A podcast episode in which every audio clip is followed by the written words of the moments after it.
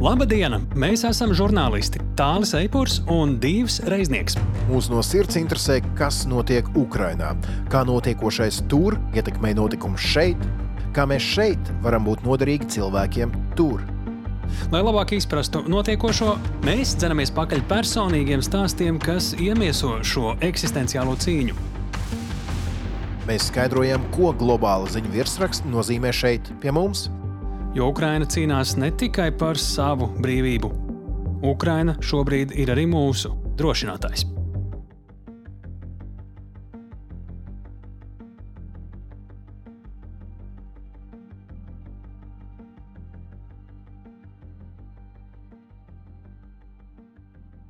Esiet sveicināti raidierakstu drošinātājs 18. epizodē. 18.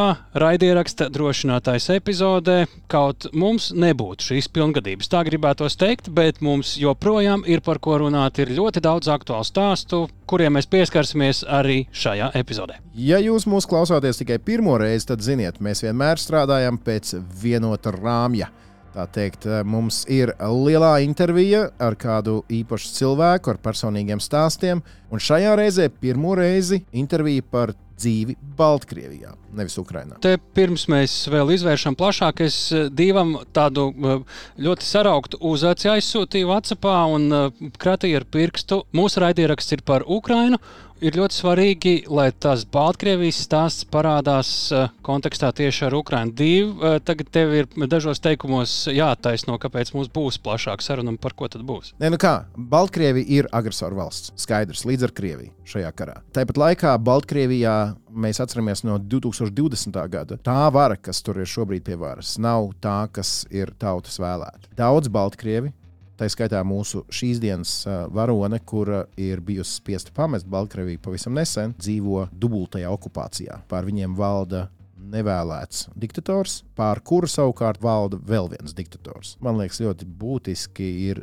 zināt arī par to, kāda ir dzīve šādos apstākļos. Nu, un tur, protams, šajā stāstā es esmu noklausījies, parādīsies arī Ukraiņas nots. Tur uh, viss mans uzacis uh, noplaka tajā brīdī, kad es noklausījos šo sarunu, bet tā būs pēc brīdiņa. Jā, un šobrīd gan mēs uh, ķersimies klāt nedēļas aktualitātēm un ekspertīzei.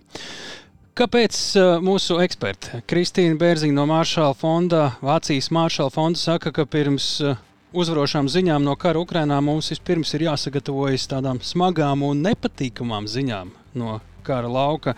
Lūk, tas būs viens no tematiem, par ko ar viņu sarunāsimies, bet uh, tūlīt pēc uh, nesen notikušajām Čehijas prezidenta vēlēšanām mēs nolēmām ar mūsu drošības eksperti arī paspriest, ko tad gaidīt no izrādās veselas rindas citu parlamenta, arī prezidenta vēlēšanu Eiropā, un kuras no šīm vēlēšanām tad varētu būt īpaši svarīgas gan skatoties uz karu Ukrainā un atbalstu Ukrainai, gan arī skatoties uz mūsu pašu drošību. Nu ko, klausāmies! Sveiki, Kristīne! Sveiki, Kristīne! Sveiki, sveiki! Nu, kad mēs prātojām, par ko šonadēļ būtu svarīgi runāt, tev jo īpaši rūpēja jautājums, vai pasaule un īpaši Ukraiņas atbalstītāji ir gatavi ļoti smagam pavasarim. Tie bija tavi vārdi. Kāpēc šāds jautājums? Gadu mēs sākām ar cerīgām runām par to, ko mēs 2023. gadā varētu sasniegt, kādas būtu iespējamās uzvaras scenāriji Ukrainā. Bet tas ir tāds gada jautājums. Un, ja mēs skatāmies, kas varētu notikt februāra beigās, martā, jādomā, ka varētu būt ļoti smags pavasaris. Izskatās šobrīd, ka Krievija gatavo nopietnus uzbrukumus ap to 24. ap to gada punktu. Ar to domu Donbasā iegūt vēl vairāk teritoriju. Un tāda runa reāli nav, vai Ukraina nākošā mēneša, divu, trīs mēnešu laikā atgūst savu teritoriju, bet vai Ukraina ir spējīga noturēties, ja Krievija veids tādu pašu klasisko uzbrukumu? Tas, kas ir Krievijas pusē šobrīd, ir tīri skaitliski. Tagad mobilizētie būs jau drusku sagatavojušies. Krievija grib dabūt arī simbolisku uzvaru kara laukā tuvākajā laikā, un visticamāk metīs visu iespējamo šajā jaunajā uzbrukuma vilnī. Tur skaitliski būs grūti. Ukrainai pret to cīnīties, cīnīsies, bet tas nākamais ziņu vilnis teiksim, pēc mēneša vai dažām nedēļām varētu būt nevis par to, ka āreku rakar Ukrainai ir uzvaras, bet drīzāk varbūt par to, kā rekā Ukraiņi cīnās pretī, ka Krievi tagad grib mest visu iespējamo karā un redzēsim, kā Ukraina spēs aizsargāt savas pašreizējās līnijas. Uz to ir jāsagatavojas, jo jautājums par to, vai šogad varētu būt uzvara, tas ir gada jautājums. Ļoti saistīts ar to, kad pienāk tanki, vairāk šāviņi. Tas nenotiks uzreiz, tas parasti ir mēnešu jautājums. Sākumā varētu būt grūtāki mēneši, un tikai pēc tam varētu atkal būt tāds Ukraiņas pretvilnis. Un, ja mēs visi sagaidām to, ka nu, rekur Ukrainas uzvaras gads un uz priekšu, un nu tik būs, tad varbūt mēs nebūsim psiholoģiski nobriesti saprast to, ka tas nav tik vienkārši, ka vispirms varbūt jāļauj arī Krievijai izrādīties. Un tāpēc tam atkal ar jaunu spāru Ukraiņas pretī. Bet tas nebūs tāds žvinks un viss tāpat kā Krievijai. Tas sākuma uzbrukums 24. februārī nebija žvings un rekā visa Ukraina ieņemta, nebūtu gudri gaidīt, ka tagad žvings un nākošajos mēnešos Ukraina atgūs visu teritoriju, Donbasu, Krimu un tam līdzīgi. Krievija netaisās piekāpties un centīsies ar visu iespējamo, īpaši ar mobilizētajiem karavīriem, veikt to, kas neizdevās pirms gada. Un Ukraina būs jāpratojas, tā ir ārkārtīgi sagatavojusies, bet tas ir nākamais, nevis milzīgs Ukrainas pretuzbrukums. Vismaz tā šobrīd izskatās. Ja mēs runājam par šo jauno ieroču piegādes vilni. Kā tu teici, tās nav ne dienas, ne nedēļas. Un, nu, mēs šeit arī redzam, ka ir jau nākamais Ukraiņas prasījumu, lūgumu vilnis, kas ir seko tankiem, ir iznīcinātāji lidmašīnas un to piegādes. Jo bez atbalsta no gaisa ar tankiem viendoties uzbrukumā, tas laikam nav militāri pārāk gudri arī mūsdienās. Šobrīd kādi ir varianti realitātei? Kad mēs varētu runāt par kaut kādu vismaz optimāli apgādātu Ukraiņas pretuzbrukumu, cik ilgi būs šīs smagās ziņas par Krievijas uzbrukumiem, kad mēs varētu sākt skatīties uz reāliem pagriezieniem un tādiem jau paliekošiem, kad būtu pamats par to domāt? Es personīgi nedomātu par iznīcinātājiem kā absolūti nepieciešamo atbildi risinājumu tagad Ukrainas uzvarai svarīgi, lai noturētu pašreizējos pozīcijas un atgūtu kaut ko, ir nevis tās supersimboliskās vai dārgās lidmašīnas. Jā, protams, ir svarīgi, ka tās netiek liektas, tas būtu burvīgi, bet kas ir svarīgi, ir, ka pietiek šāviņi, ka pietiek raķetes, ka pietiek bruņu mašīnas, ka ir ikdienišķīgas lietas. Iznīcinātāji ir labi, bet vai ir dronu? Pietiekoši daudz, vai ir lētākas lietas, kuras nav tik sarežģīti arī sagādāt un politiski sarežģīti, kuras varētu lielākā apjomā sagādāt Ukrainai. Jo Krievijas stratēģija ir ar skaitlisku vairākumu ieņemt teritoriju. Gudri ieroči Krievijai sāk pietrūkt, bet svarīgi, ka kaut kas sprākst. Un tur ir arī gan cilvēku skaitlis, ko Krievija tagad sūtīs kara laukā, un arī lādiņu un raķešu skaits. Varbūt dūmjas raķetes, ja tātad uzsprāgs kaut kur, vai nav vienalga, kur, bet izmantos visu iespējamo, un vēl joprojām, acīm redzot, ir kaut kas noliktavās, un to tagad pielietos. Svarīgi tad ir Ukrainai un arī rietumiem, kuri atbalsta Ukrainu, sagādāt apjomu ar nepieciešamām praktiskām lietām, tīri skaitliski. Un varbūt nav prātīgi cerēt uz lidmašīnām. Tas nebūs tūkstots lidmašīnas, ja ir lidmašīnas. Bet vajag nodrošināt tūkstošiem ieročus, raķetes un tam līdzīgi. Tas ir svarīgi. Un svarīgāk nekā varbūt tās simboliskās lidmašīnas.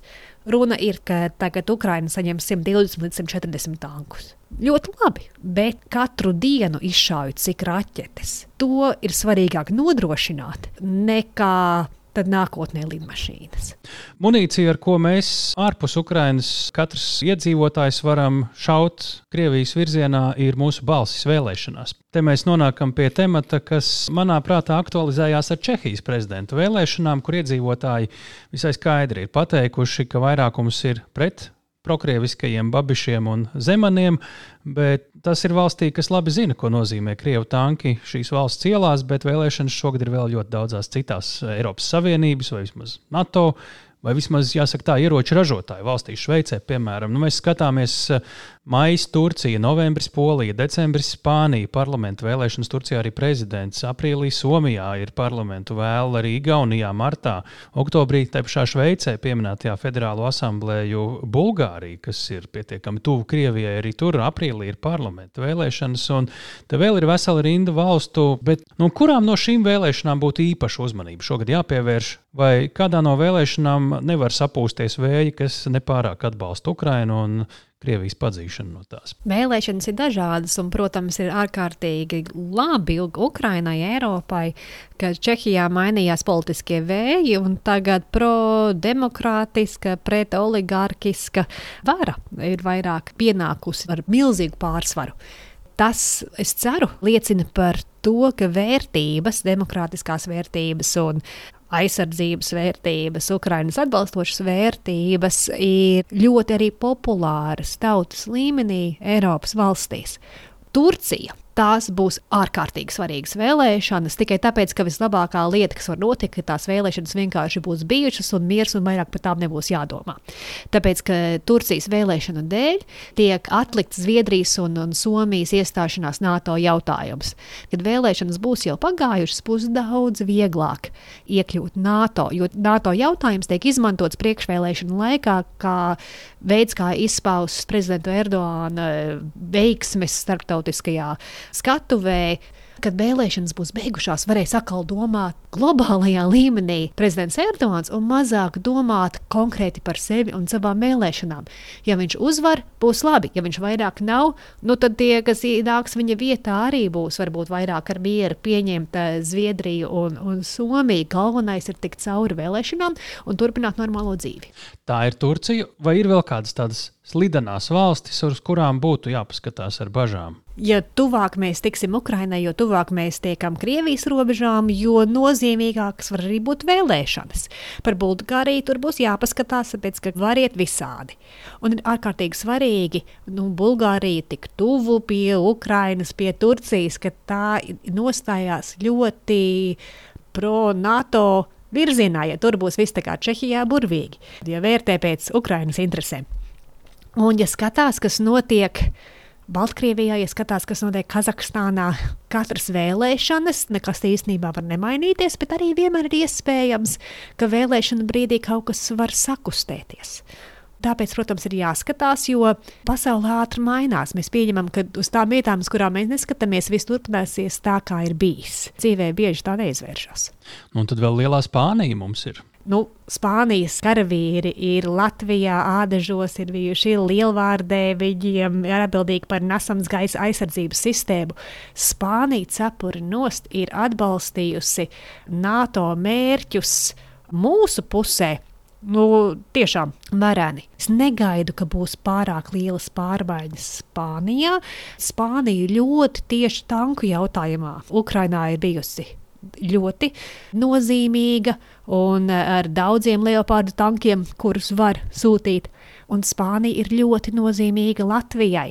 Un tāpēc ir tiešām jāskatās, lai nākamā valdība Spānijā noturētu atbalstu Ukrainai, NATO, Baltijas valstīm Un būtu labi, ja tas nemainītos. Nu, un vēl es domāju, mēs nepieminam varbūt pat reģionā vissvarīgākās vēlēšanas - Polija. Ja viss paliek tā, kā šobrīd ir, tad varbūt nav pro-demokrātiskās vērtības, bet ir pro-ukrainiskas vērtības. Ja paliek viss tagad, kā tagad ir, tad Ukrainai ir labi.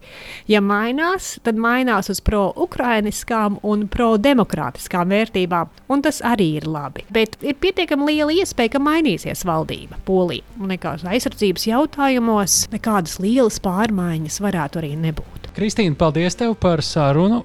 Paldies tev! Paldies Kristīnai, paldies Stālim par šo aktualitāšu apskatu. Patiesībā par šo bija vēl daudz jautājumu. Divam es zinu, arī bija daudz jautājumu. Piemēram, kas notiks ar visām Kremļa partijām un atbalstu viņām. Ne? Jā, jā, man ļoti interesē, jo tāpēc, mēs, nu, tas ir tāds vispār zināms fakts, kuram tur nā, ir, šur tur ir pierādījumi, šur tur ir aizdomas, ka jau gadu gadiem Maskava ir finansējusi šīs te, gana ekstrēmistiskās partijas ar mērķi destabilizēt politisko situāciju Eiropā. Man interesē vienkārši, kā šīs partijas dzīvo tagad, kad Kremlim ir tikai varbūt nezinu, nav vairs tik daudz naudas, nav tik daudz laika šīm tēmām. To, ko mēs vēl ar Kristīnu nepaguvām izskatīt, uh, ir vēlēšanas, starp citu, būs arī Kazahstānā šogad kas uh, ir ļoti pret Z simboliem uz uh, atbraukšo Krievu mašīnām, kas sūta humāno palīdzību Ukrainai, kas ir krietni mainījusies šajā laikā. Katrā ziņā valsts ar ļoti interesantiem politiskiem procesiem valsts mainās um, ļoti strauji. Bet vēlēšanas šogad ir arī Baltkrievijā parlamenta vēlēšanas. Mēs redzējām, kas notika iepriekšējo, tad gan prezidenta vēlēšanu laikā Baltkrievijā. Es domāju, ka nevaram nenovērtēt par zemu, tiesa gan arī ilūzijas lolot nevaram, bet no nu, arī Ukrainā. Ne gan šogad, bet nākamgad ir parlamenta vēlēšanas. Jā, tas starp citu interesanti. Atliks, neatliks. Ar daudzām jautājumu zīmēm tur.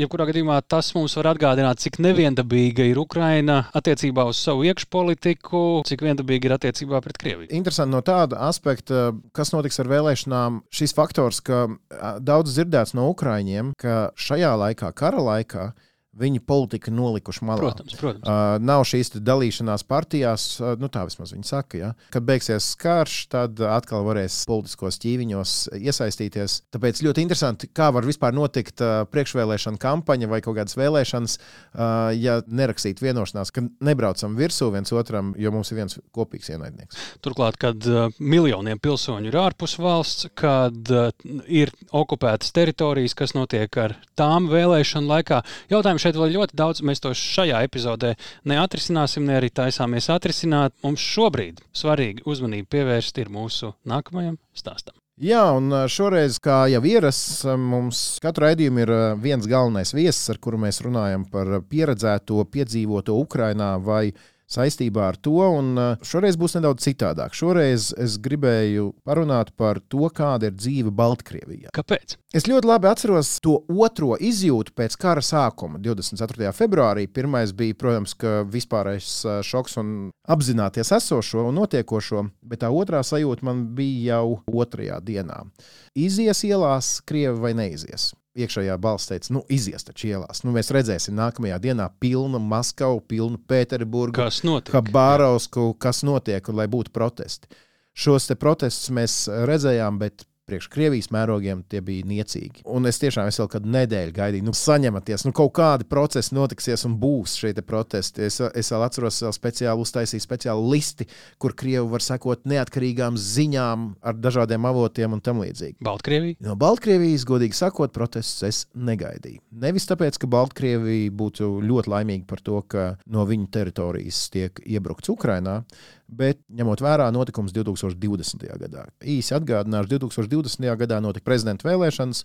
Tās nebija demokrātiskas vēlēšanas. Tas atšķirīgais šoreiz bija tas, kāda bija cilvēku reakcija.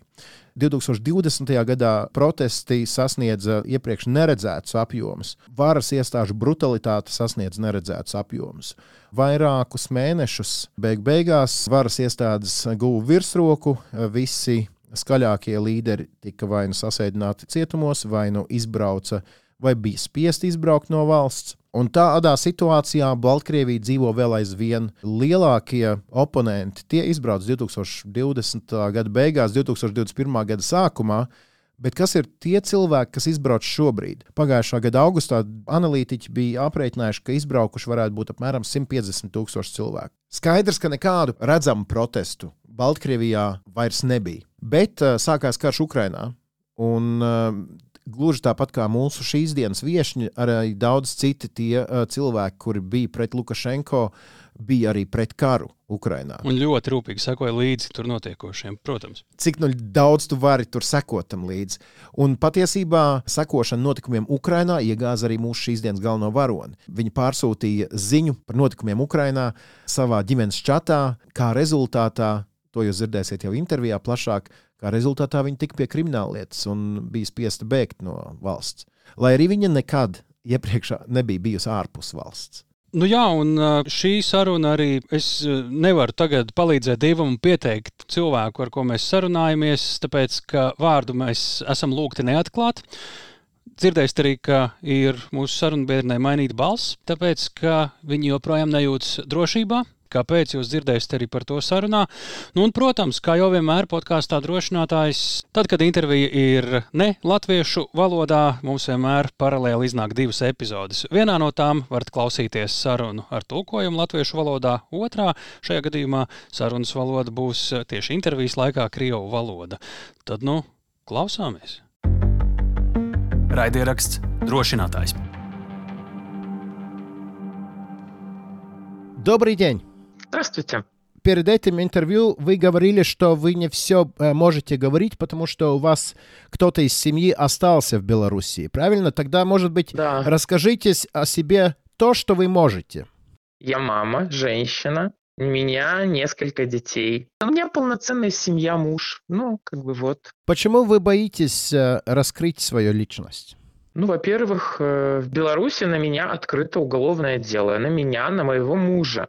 Оно есть, оно ведется. Мы в Беларуси были по подписке о невыезде. Эх, У него там мама осталась, ну, у меня остались родители. А, У меня остался сын. У него есть жена, своя семья. У меня есть друзей там много. Все мы боим, ну, в Беларуси все боятся, что к ним в любой момент могут прийти по той или иной причине. Так что получается, если белорусские власти слышат э, ваше интервью, знают, кто вы, тогда э, вы опасаетесь, что они могут как-то отомстить э, на ваших э, родных? Да, а на моих родных, на моих друзей. А, да, конечно. У нас в Беларуси очень много журналистских э, э, СМИ, сайтов, признаны запрещенными у нас. Ну, это белорусские СМИ. И за то, что ты дашь кому-то интервью из запрещенных журналистов, на тебя заведут также уголовную статью за то, что ты дал кому-то, например, интервью ну, я понимаю, что это как бы европейских журналистов пока не касается, но любое упоминание у нас может повлечь сразу репрессии в стране. Вы говорили, что на вас и на вашего мужа заведено криминальное дело. За что?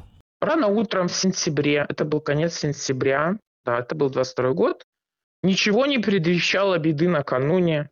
Рано утром у нас раздался резкий звонок в дверь, то есть кнопку звонка просто зажали. Я еще, честно, была в постели, муж собирался на работу. Мы пару секунд обсудили, что это, что, что такое, кто так может к нам звонить. Я еще мужу говорю, слушай, может быть, мы там соседи снизу, может, у нас что-то прорвало, вот такой, такой сумасшедший длится у нас звонок. То есть буквально успела сказать эту фразу, у нас стали раздаваться вместе со звонком сумасшедшие звуки. Э, Я потом узнал, это была кувалда.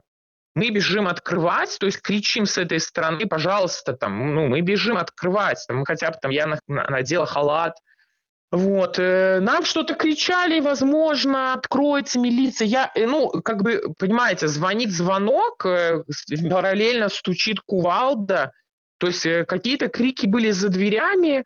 Муж открыл дверь, я еще даже не успела до самой двери добежать, я остановилась в коридоре.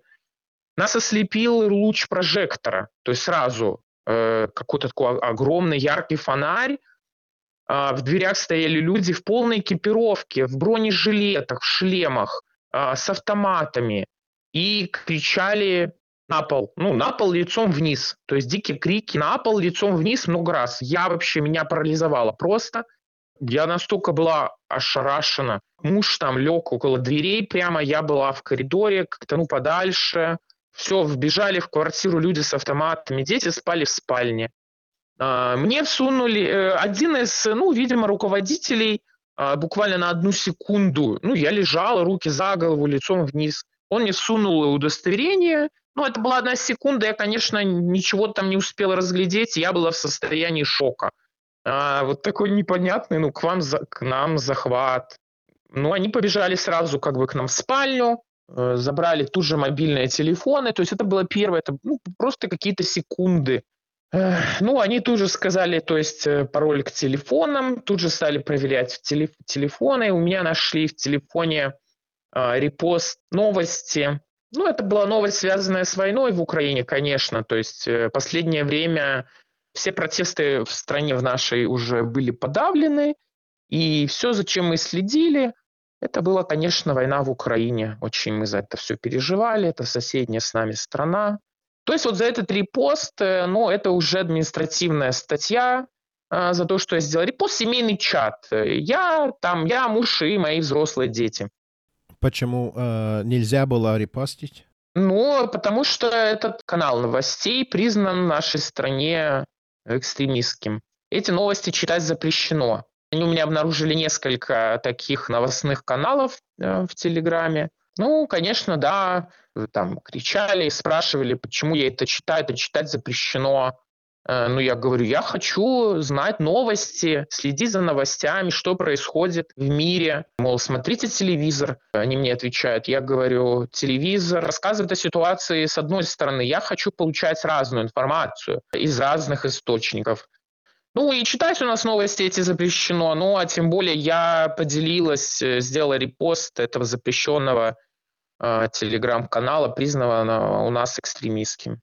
А почему они вообще в вашу квартиру пришли? Я до сих пор не знаю ответа на этот вопрос. У них был ордер на обыск у меня, ну, на мое имя. Но, но должна быть причина на ордер, нет? Эту причину мне никто не назвал. Потом я слышала, что у них были данные о каком-то телеграм-чате, но, например, про тот чат, который они произносили, я там не состояла.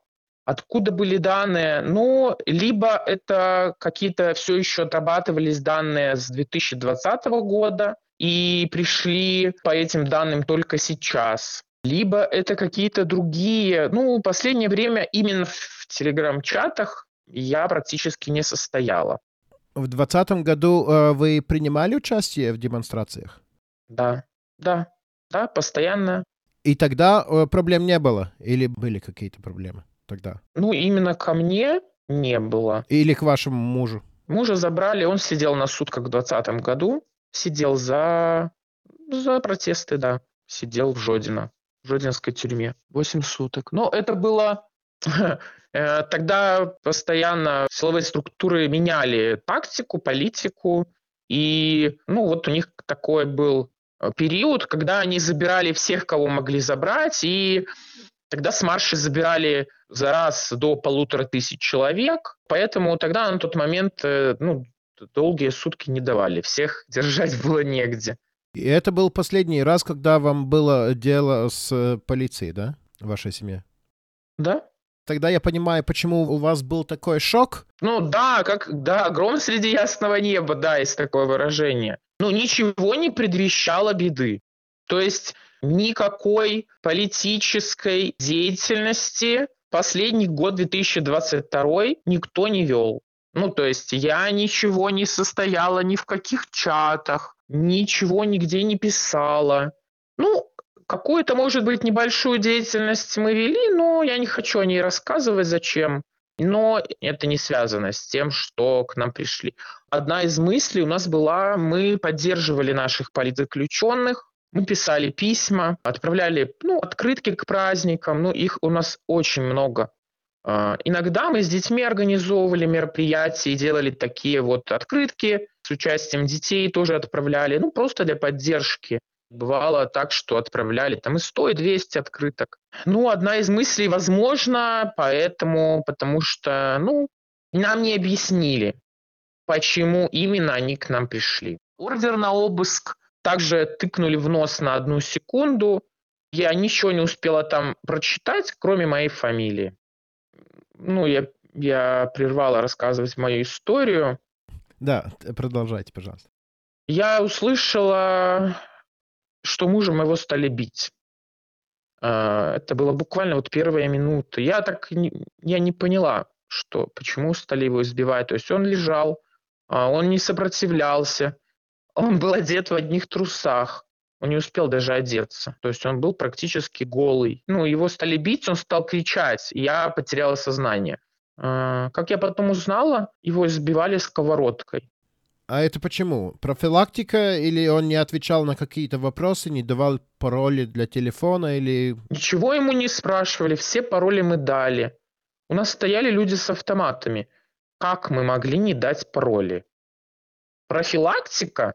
Какая? Чего профилактика? Мы отвечали на все вопросы.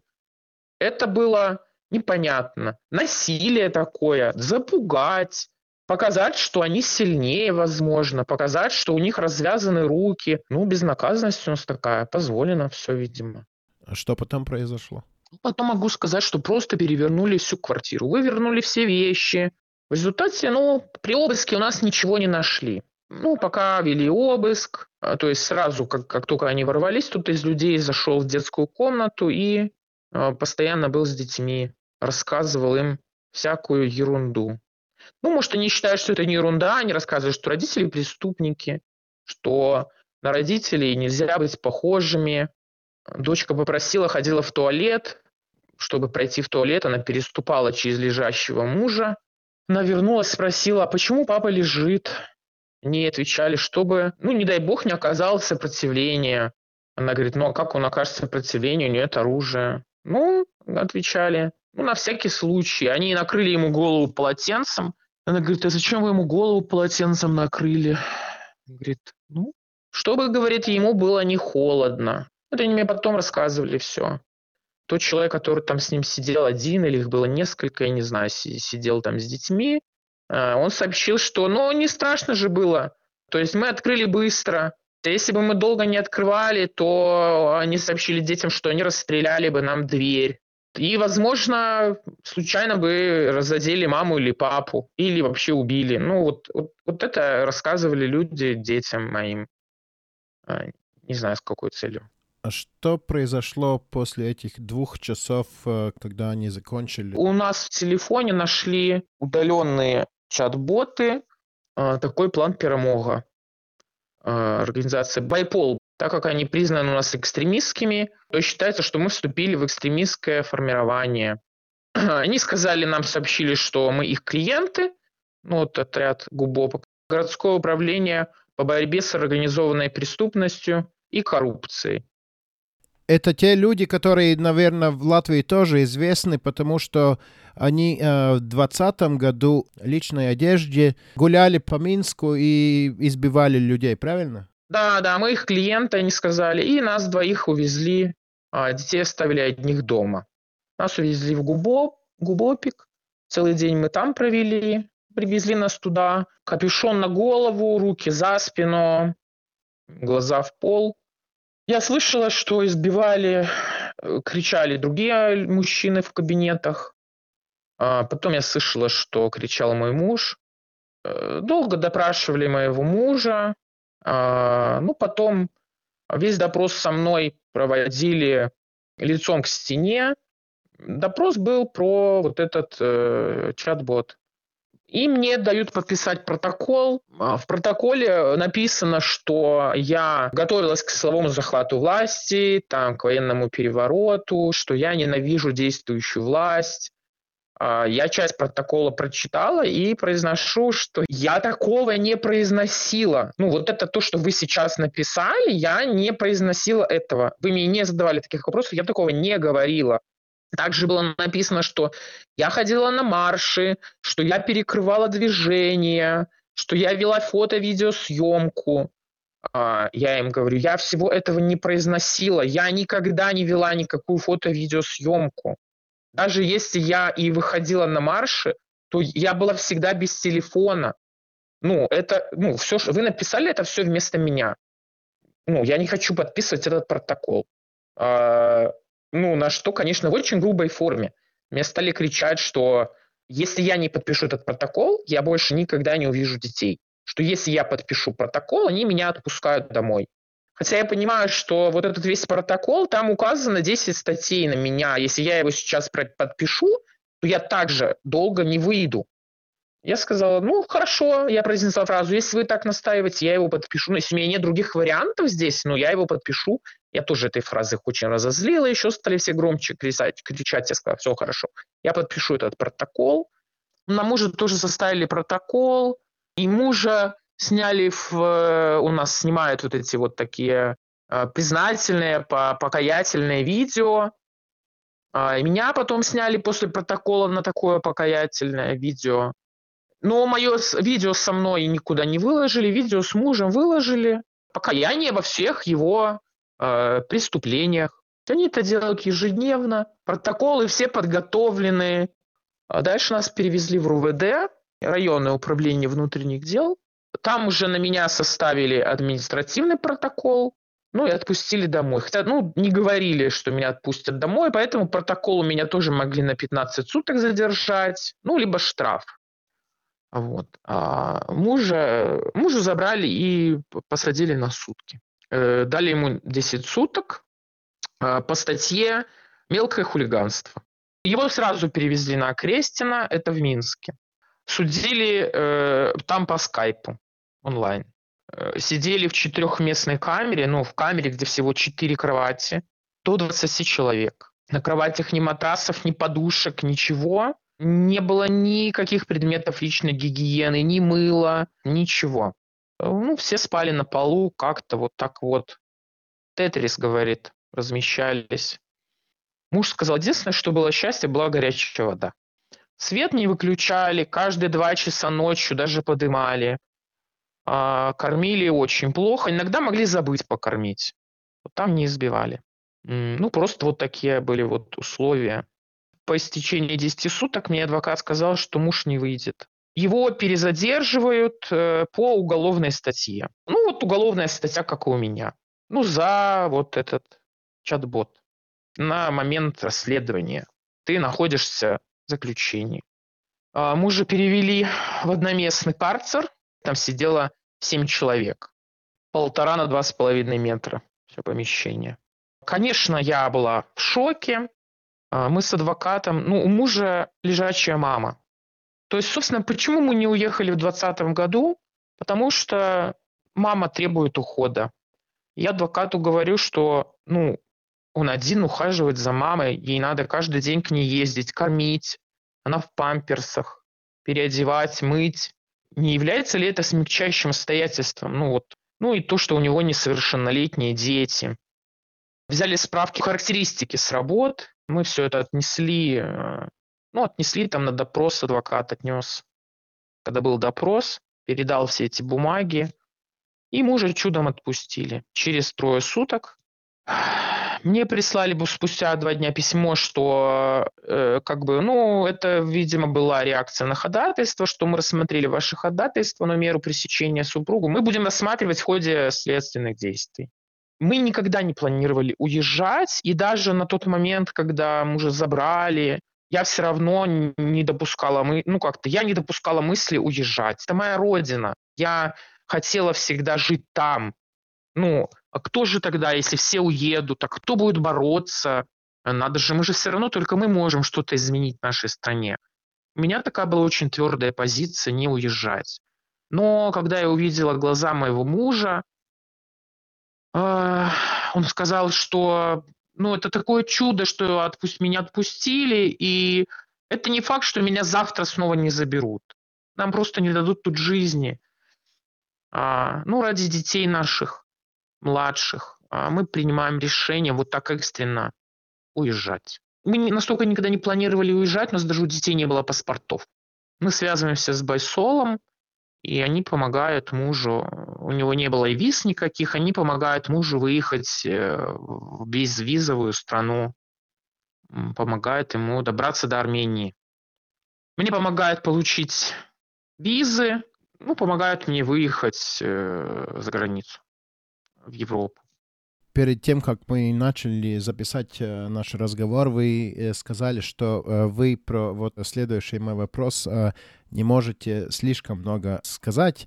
Если не вникаться в деталях, то можно понять, что есть, ну, скажем так, сетка людей, которая работает на того, чтобы вывести таких людей, как вас, да в Европу или другие регионы, да. что это, ну, скажем так, э, отлаженная сетка э, и работает. Да, это работает. А, я была не выездная, а, да, я уезжала отдельно, одна. А, муж уехал один, я уехала одна. Детей вывозил отдельный человек отдельно. Можно сказать, это целая операция, чтобы одну семью вывести из э, Беларуси. Да, это целая операция, да. Безумно очень волнительная. Это же не волнительно, это очень нервно. Ну, очень переживательно. Да. Я вожу детей сейчас к психологу, ну, как бы после всего вот этого. И вот самое для детей, что осталось, уже прошло несколько месяцев, да, но что самое осталось у детей в памяти, это их выезд. Даже не то, что был налет на нашу квартиру, да, а именно выезд. Получается, что ну, на какой-то момент э, мы оба их бросили. Ну, я не могла, так как это все было тайно, я не могла рассказать, как, куда, что мы делаем. Дети продолжали ходить в школу, мы боялись, что какая-то информация просочится. Поэтому я им говорила общими фразами, что ну вы же нам доверяете, мы никогда вас не обманывали. Все будет хорошо. Как долго прошло с того момента, когда вы приняли решение уезжать, до того, как вы, вся семья, оказались в другой стране, Европе? Месяца три. Папу они не видели, ну вот два месяца так получилось, что муж э, застрял там, ну, в полном смысле этого слова. Очень большая была проблема э, получить э, для белоруса визу. Нам говорили, что это, возможно, неделя-две, и муж просто снял хостел посуточно. А, и это посуточный хостел, он-то прожил два месяца. Очень переживали. Но все, да, мы все вместе. Дети ходят в школу, прекрасно приняли, хорошо адаптировались. В целом люди очень добродушные. Вот когда уже я уже разнакомилась, познакомилась, я сейчас работаю в организации, которая тоже помогает белорусам, беженцам. Я сама занимаюсь гуманитарной помощью, помогаю белорусам, украинцам. Я на своем примере поняла, что вот обычному человеку, э, куда-то прибежавшему, сразу же где-то найти эту помощь нелегко ну, как бы одежда, вот э, постельное белье, этого всего нету. Мы бежали тоже с одними рюкзаками. То есть какой-то минимум одежды, деми, потом наступила зима, э, таких людей очень много. И я понимаю, как люди, потому что я сама нуждалась, и я понимаю, как нуждаются эти люди. У меня временами было такое отчаяние, э, ну, от всего вот этого я вдруг оказалась в чужой стране. Я просто даже никогда в жизни не была за границей ни разу не выезжал, никогда не имела визы. И у меня первые несколько недель был такой страшный шок от всего. Я не понимала, куда мне сейчас идти, что мне сейчас делать. Вот такое ощущение, знаете, что меня выкинули посреди океана, я не понимаю, в какую мне сторону плыть. Мне временами так хотелось сложить ручки и утонуть. Вот все, казалось, что вот если я сейчас утону, и все мои вот эти все мои несчастья э, просто прекратятся. Ну, у меня же дети, я все равно барахталась. Ну, сейчас стараемся помогать украинцам. Я вижу, как женщины с детьми и несколько детей сюда прибегают. Ну, то есть я очень им сопереживаю. То есть максимально стараемся, ну, вот все, что, ну, какие мы можем, э, ну, какие-то восполнить потребности человека, максимально стараемся восполнить. Я понимаю, как это людям тяжело. Сейчас, когда вся семья вместе, сейчас, когда вы обустроились э, в новой э, стране, что вы можете сказать про свою новую жизнь э, в бытовом смысле? За последние два года, и особенно с начала войны в Украине, конечно, Беларусь тоже считается агрессором. Знаете, я первую неделю, я боялась говорить, э, ну, я разговариваю по-русски. Конечно, знаю белорусский язык, но недостаточно, чтобы разговаривать свободно. Я детям запрещал разговаривать. Мне казалось, что если услышат вот э, как бы русскую речь, то прям, не знаю, все, побьют меня тут на улице.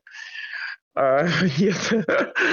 Ну, вообще этого... Ну, вот я приехала с таким ощущением, что вот, ну, как бы белорусов, русских совсем ненавидят.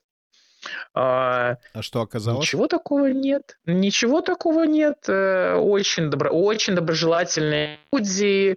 Я не столкнулась ни разу с каким-то фактом неприязни, агрессии к нам, как, например, к белорусам, или к нам, как к русскоговорящим. Нет такого. Я понимаю, что э, находясь э, в Беларуси, вам надо было думать про то, что вы говорите на публике. Да. Надо было э, думать, что я открываю в телефоне, или надо стереть что-то. Да, обязательно все стереть, конечно, все закрывали, удаляли. Так получилось, что к нам пришли рано утром, и я уже себя так долго корила, что я расслабилась. Я расслабилась, ничего не удалила на ночь. Ну, как-то я не ожидала. Я всегда все удаляла, а, когда я выходила на улицу из дома. Мне казалось, что я дома защищена. Ну, вот такая своя собственная была фантазия у меня, э, наивно, наверное, полагая. А когда я уходила на улицу, все везде выключала, удаляла, очищала. Никогда ничего у меня не было в телефоне. А какое это чувство, когда ты сейчас находишься в земле, в которой тебе не надо про это думать? Что у меня в телефоне? Или что я э, мужу э, скажу на улице, что кто-то услышит и донос сделает на меня?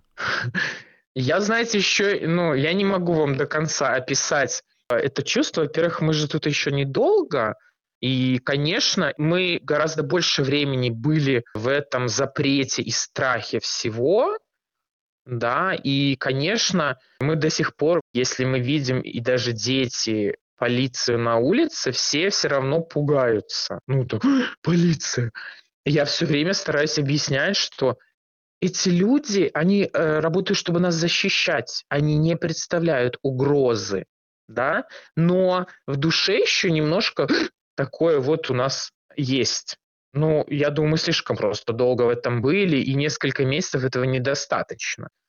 Но я стараюсь, да, не, я радостно сообщаю э, всем, конечно же, я общаюсь с людьми Беларуси, вот, что, ну, вы у себя удаляете, я уже у себя могу не удалять все переписки, фотографии не удалять можно, то есть вот люди где-то откуда-то из-за границы считают, что белорусы не протестуют, страшно хочется проявлять в соцсетях свой протест.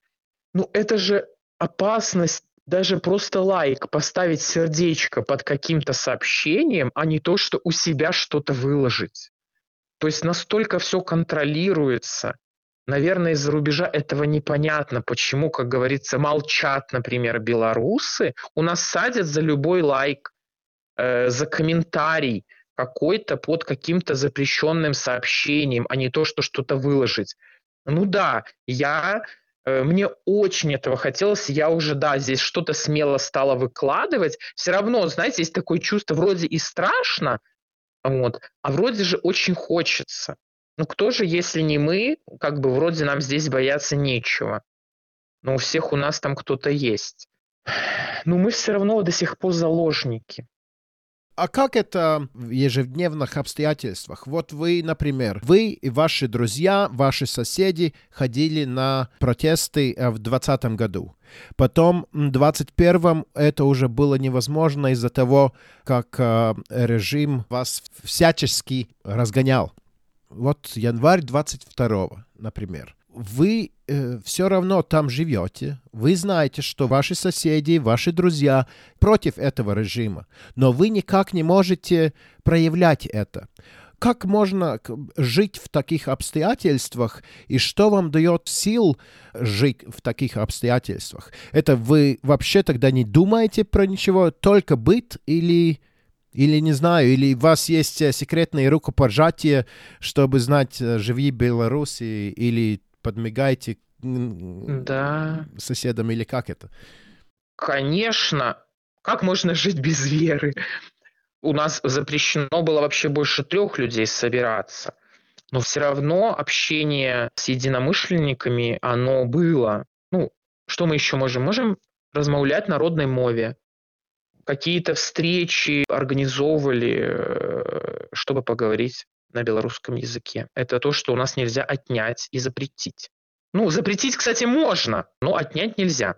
Ваши дети, вы им говорили, что можно в школе говорить, что нельзя в школе говорить? С начала 2020 года, до всех событий, я учила детей дома.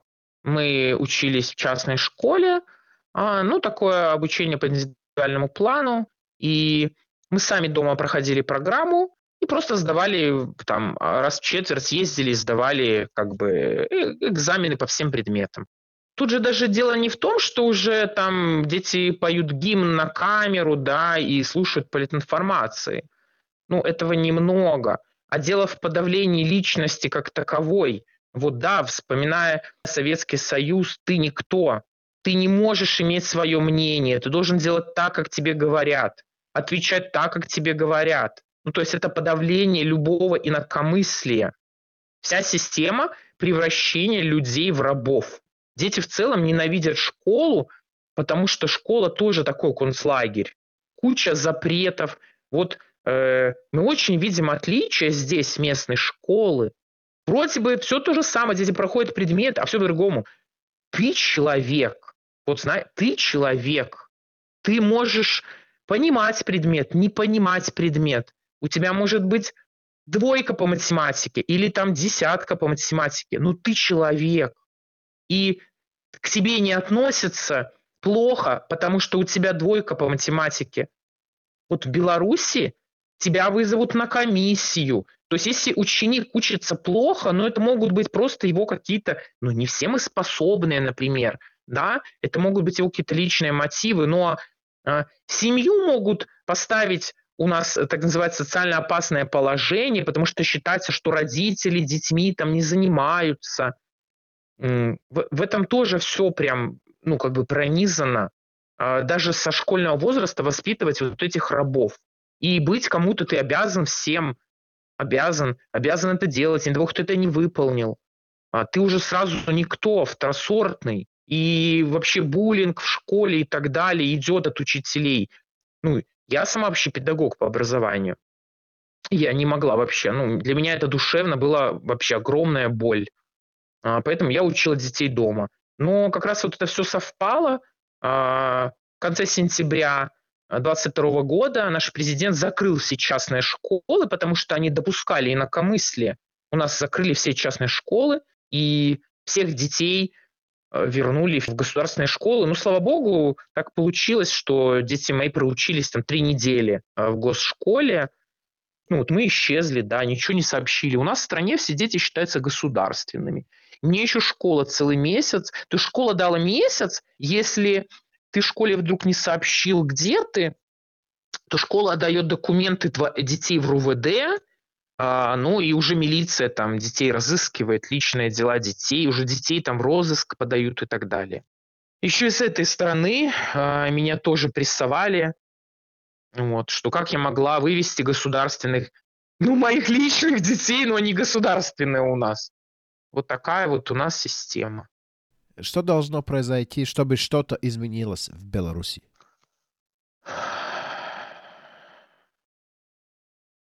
Должно что-то измениться в России в первую очередь. Я считаю, что это полное влияние, что а, Беларусь без войны оккупирована Россией, что все диктуется оттуда. А, в первую очередь, ну, это такая моя позиция, что должно там должна Россия проиграть войне. А, ну, конечно, в Беларуси должна смениться власть. Но это не власть, это не один Лукашенко. Один Лукашенко а, не приказал вот людям, которые избивали дома моего мужа, им его избивать. Это было их собственное решение. Поэтому должен уйти он и уйти... Ну, я думаю, что когда развалится все в России, следом ровненько развалится все в Беларуси. Я так верю. Но это правильно считать, что белорусы сейчас живет под э, двухкратной оккупацией? Это правильно считать. потому что даже несколько лет назад такого не было. В Беларуси, Беларусь довольно э, бедная страна, не имеющая каких-то там особых, кроме там калийных удобрений, не знаю, кали, калия, каких-то полезных ископаемых, чтобы саму себя содержать. И, конечно, тот, кто содержит Беларусь, он диктует условия, как должна жить Беларусь. То есть, с одной стороны, у Беларуси есть свой диктатор, который со своим народом он делает то, что хочет. И плюс он еще выполняет какие-то приказы другого диктатора. А, сейчас говорят э, в Беларуси прям полстраны там российских военных. Да, Беларусь под двойной оккупацией. Я помню, 20-й год, тогда очень много э, людей э, сочувствовали белорусам, видя, что они выходят на улицу да. и хотят перемен. А тогда потом началась война, которую завязал Путин. Но Беларусь — это тоже агрессор. Да, конечно. Какие чувства у вас про это? С одной стороны, вы гражданин государства-агрессора, с другой стороны, вы были вынуждены бежать. Да. А что миру думать про белорусов? А, знаете, а, я когда вырвалась оттуда, да, я очень прямая аналогия а, Беларуси. Есть такие истории про маньяков-насильников, вот живет человек, а, все соседи о нем считают, что он замечательный человек. Ну, прекрасный. Посмотрите, у него прекрасный дом. Чисто, как все говорят про Беларусь. У вас чисто. У нас действительно чисто. У нас все красиво. Особенно касательно Минска, да, он там блестит, сверкает всеми огнями. Кажется, вроде такой дружелюбный, там, белорусы сами все дружелюбны. Вот так вот мнение об этом маньяке, да, а, все соседи даже не подозревают, что творится у него в подвале. А у него в подвале живут жертвы, да, которых он насилует, избивает. Они никак не могут о себе сообщить. Я когда сюда приехала, вот абсолютное ощущение, что я вырвалась из подвала вот такого маньяка. Мне тут э, люди начинают говорить, вот, класс, красиво, достопримечательности. А знаете, у меня было дикое желание вот хотя бы помыться. Вот ощущение, что ты, не знаю, какой-то грязный. Ну, это образное ощущение. Все понятно, что у нас везде там был душ, горячая вода, и я мылась. Но душевно, э, вот душевно мне было полное ощущение, что вот я жертва насилия. Я не знаю, как можно донести миру о том, что происходит в нашей стране, но это происходит. А все судят только по какой-то внешней, а, по забору, да, потому как выкрашен фасад этого дома, в котором живет маньяк. Ну вот сейчас э, будем заканчивать.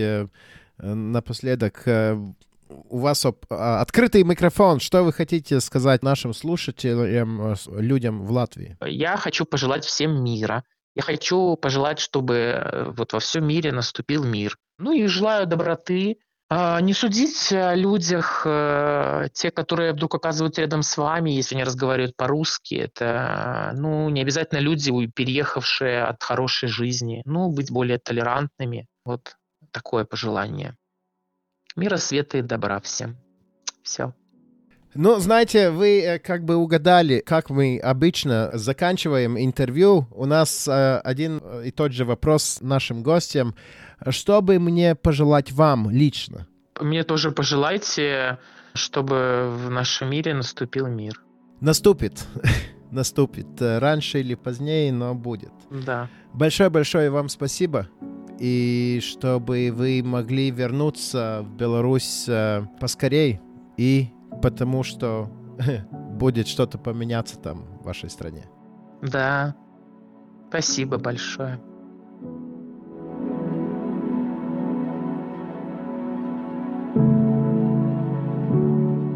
Paldies, Dīva! Paldies uh, mūsu sarunu biedrenei, kuras vārdu mēs uh, joprojām nevaram atklāt. Uh, saruna bija arī ar mainītu viņas balsi. Ļoti ļoti vērtīga saruna. Es tūdaļ pateikšu, kāpēc man tā šķiet ļoti vērtīga saruna. Ja mēs paskatāmies, par ko ir šis podkāsts, tas ir par karu Ukrajinā. Un par ko ir karš Ukrajinā? Karš Ukrajinā ir par to, lai viņiem nekad nebūtu tā, kā šobrīd ir Baltkrievijā. Viņi to šobrīd redz ļoti labi, un eh, es domāju, ka tas ir nopietns stimuls Ukraiņiem turpināt cīņu, un mums savukārt saprast, eh, pie kā var novest tas, ka mēs eh, nenovērtējam demokrātiju. Jā, un es starp citu, mums kopumā patiesībā šī saruna bija gandrīz divas stundas ar šo sievieti. Un uh, viena no lietām, ko es viņai prasīju, ir, kā ir tagad, skatoties atpakaļ uz 20. gada notikumiem, kad uh, visa Eiropa sajūsminājās par pieklājīgajiem Baltkrievu protestētājiem, kur novilka apavus pirms kāpt uz ķeblīša, lai teiktu, ej prom, Lukašenko. Tīri personīgi, vai viņai nešķiet, ka Varbūt toreiz vajadzēja ņemt rokās ieročus. Jo bija arī Baltkrievu vidū bija cilvēki, kuri teica, nē, mēs šādi mierīgā ceļā nekur netiksim. Nekur, nekur ne, netiksim. Un, jo tiešām, ja tu paskaties uz Baltkrievu demonstrācijām un salīdzini tās ar jebkurām citām demonstrācijām, tai pašā Kazahstānā, kur vienas dienas laikā cilvēki var sacelties, izgāzt uh, sētu prezidenta pilī un kaut kas mainās, vai ne? Tad uh, šeit, jā, dziedādami, staigādami, smaidīdami vai esot dusmīgi, bet Baltkrievi atšķīrās tajā savā nu, nosīt protestētāju miermīlībā. Tad, kad es šo jautājumu uzdevu mūsu viesņai, viņa vēl aizvien uzskata, ka Baltkrievi ļoti ir atšķirīgi savā temperamentā no Ukrāņiem. Man gan dažreiz šķiet, ka Baltkrieviem šis viņu miers kaut kādā ziņā ir iepotāts arī no augšas. Jā, Tas, redz, ir arī cits jautājums.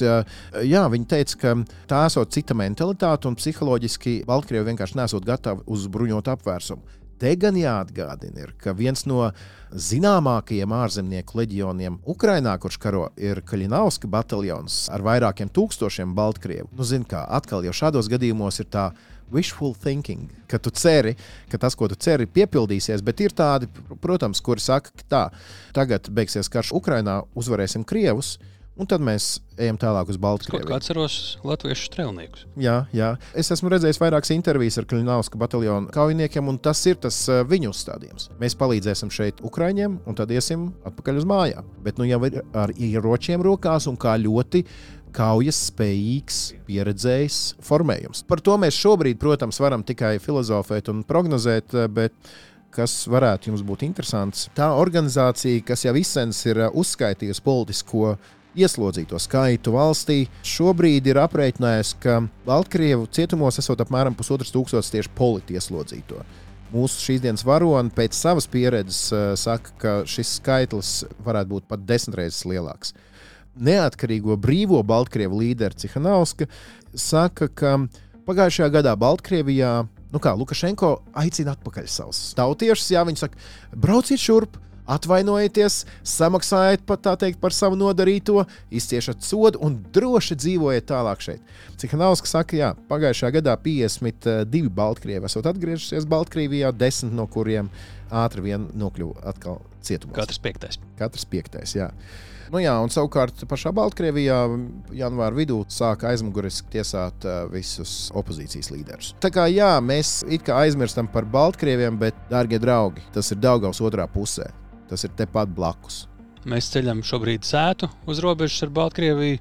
Baltkrievija šobrīd ir iesaistīta kā agresorvalsts karā ar Ukrajinu. Ja mēs neskatāmies, kas notiek Baltkrievijā, mēs neskatāmies uz pilnu ainu. Tieši tā, rakstiet mums, ja jums ir kas sakāms. E-pasta adrese drošinātājs Latvijas Rādio LV, lietojiet hashtag drošinātājs, ja rakstat par mums vai mums uh, sociālajos tīklos.